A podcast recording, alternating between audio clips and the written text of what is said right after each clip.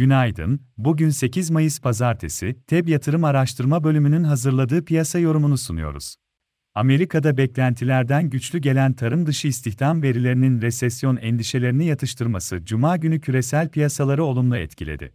Ayrıca Amerika'da bölgesel bankalarda yaşanan finansal sorunların hafta içinde banka hisselerinde neden olduğu satışların sonrasında haftanın son işlem gününde bankalara gelen alışların da endeksler üzerinde olumlu etkileri görüldü. Cuma günü Amerika Banka Endeksi %3.49, S&P Endeksi %1.85, Nasdaq Endeksi %2.25 yukarıda kapadı. Avrupa borsalarında %1'i aşan yükselişler yaşandı.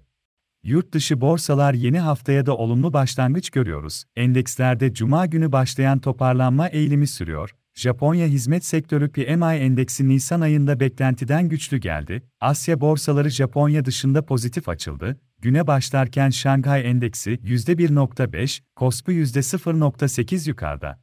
Japonya Merkez Bankası tutanakları sonrası Nikkei endeksi hafif aşağıda, Avrupa borsalarının haftaya hafif yukarıda başlaması bekleniyor, Amerika endeksleri ise vadeli tarafta haftaya başlarken yatay işlem görüyor.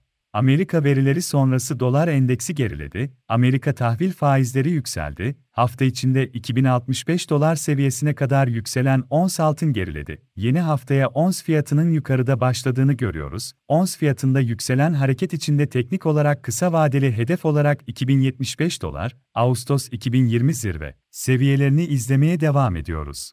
Amerika'da bu hafta enflasyon rakamları önemli olacak. Çarşamba tüfe, perşembe üfe gelecek. Bu hafta İngiltere Merkez Bankası'nın perşembe günkü faiz kararı da yakından izlenecek. Gösterge faizde 25 bas puanlık artış bekleniyor. Asya tarafında Çin'de enflasyon rakamları takip edilecek. İçeride çarşamba günü Mart ayına ilişkin sanayi üretimi ve işsizlik oranı verileri ile perşembe günü cari işlemler dengesi verileri bulunuyor.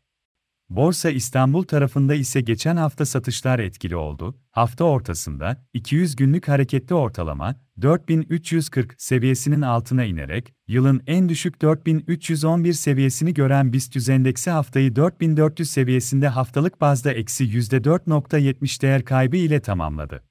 Cuma günü endeks eksi %1.86 değer kaybetti.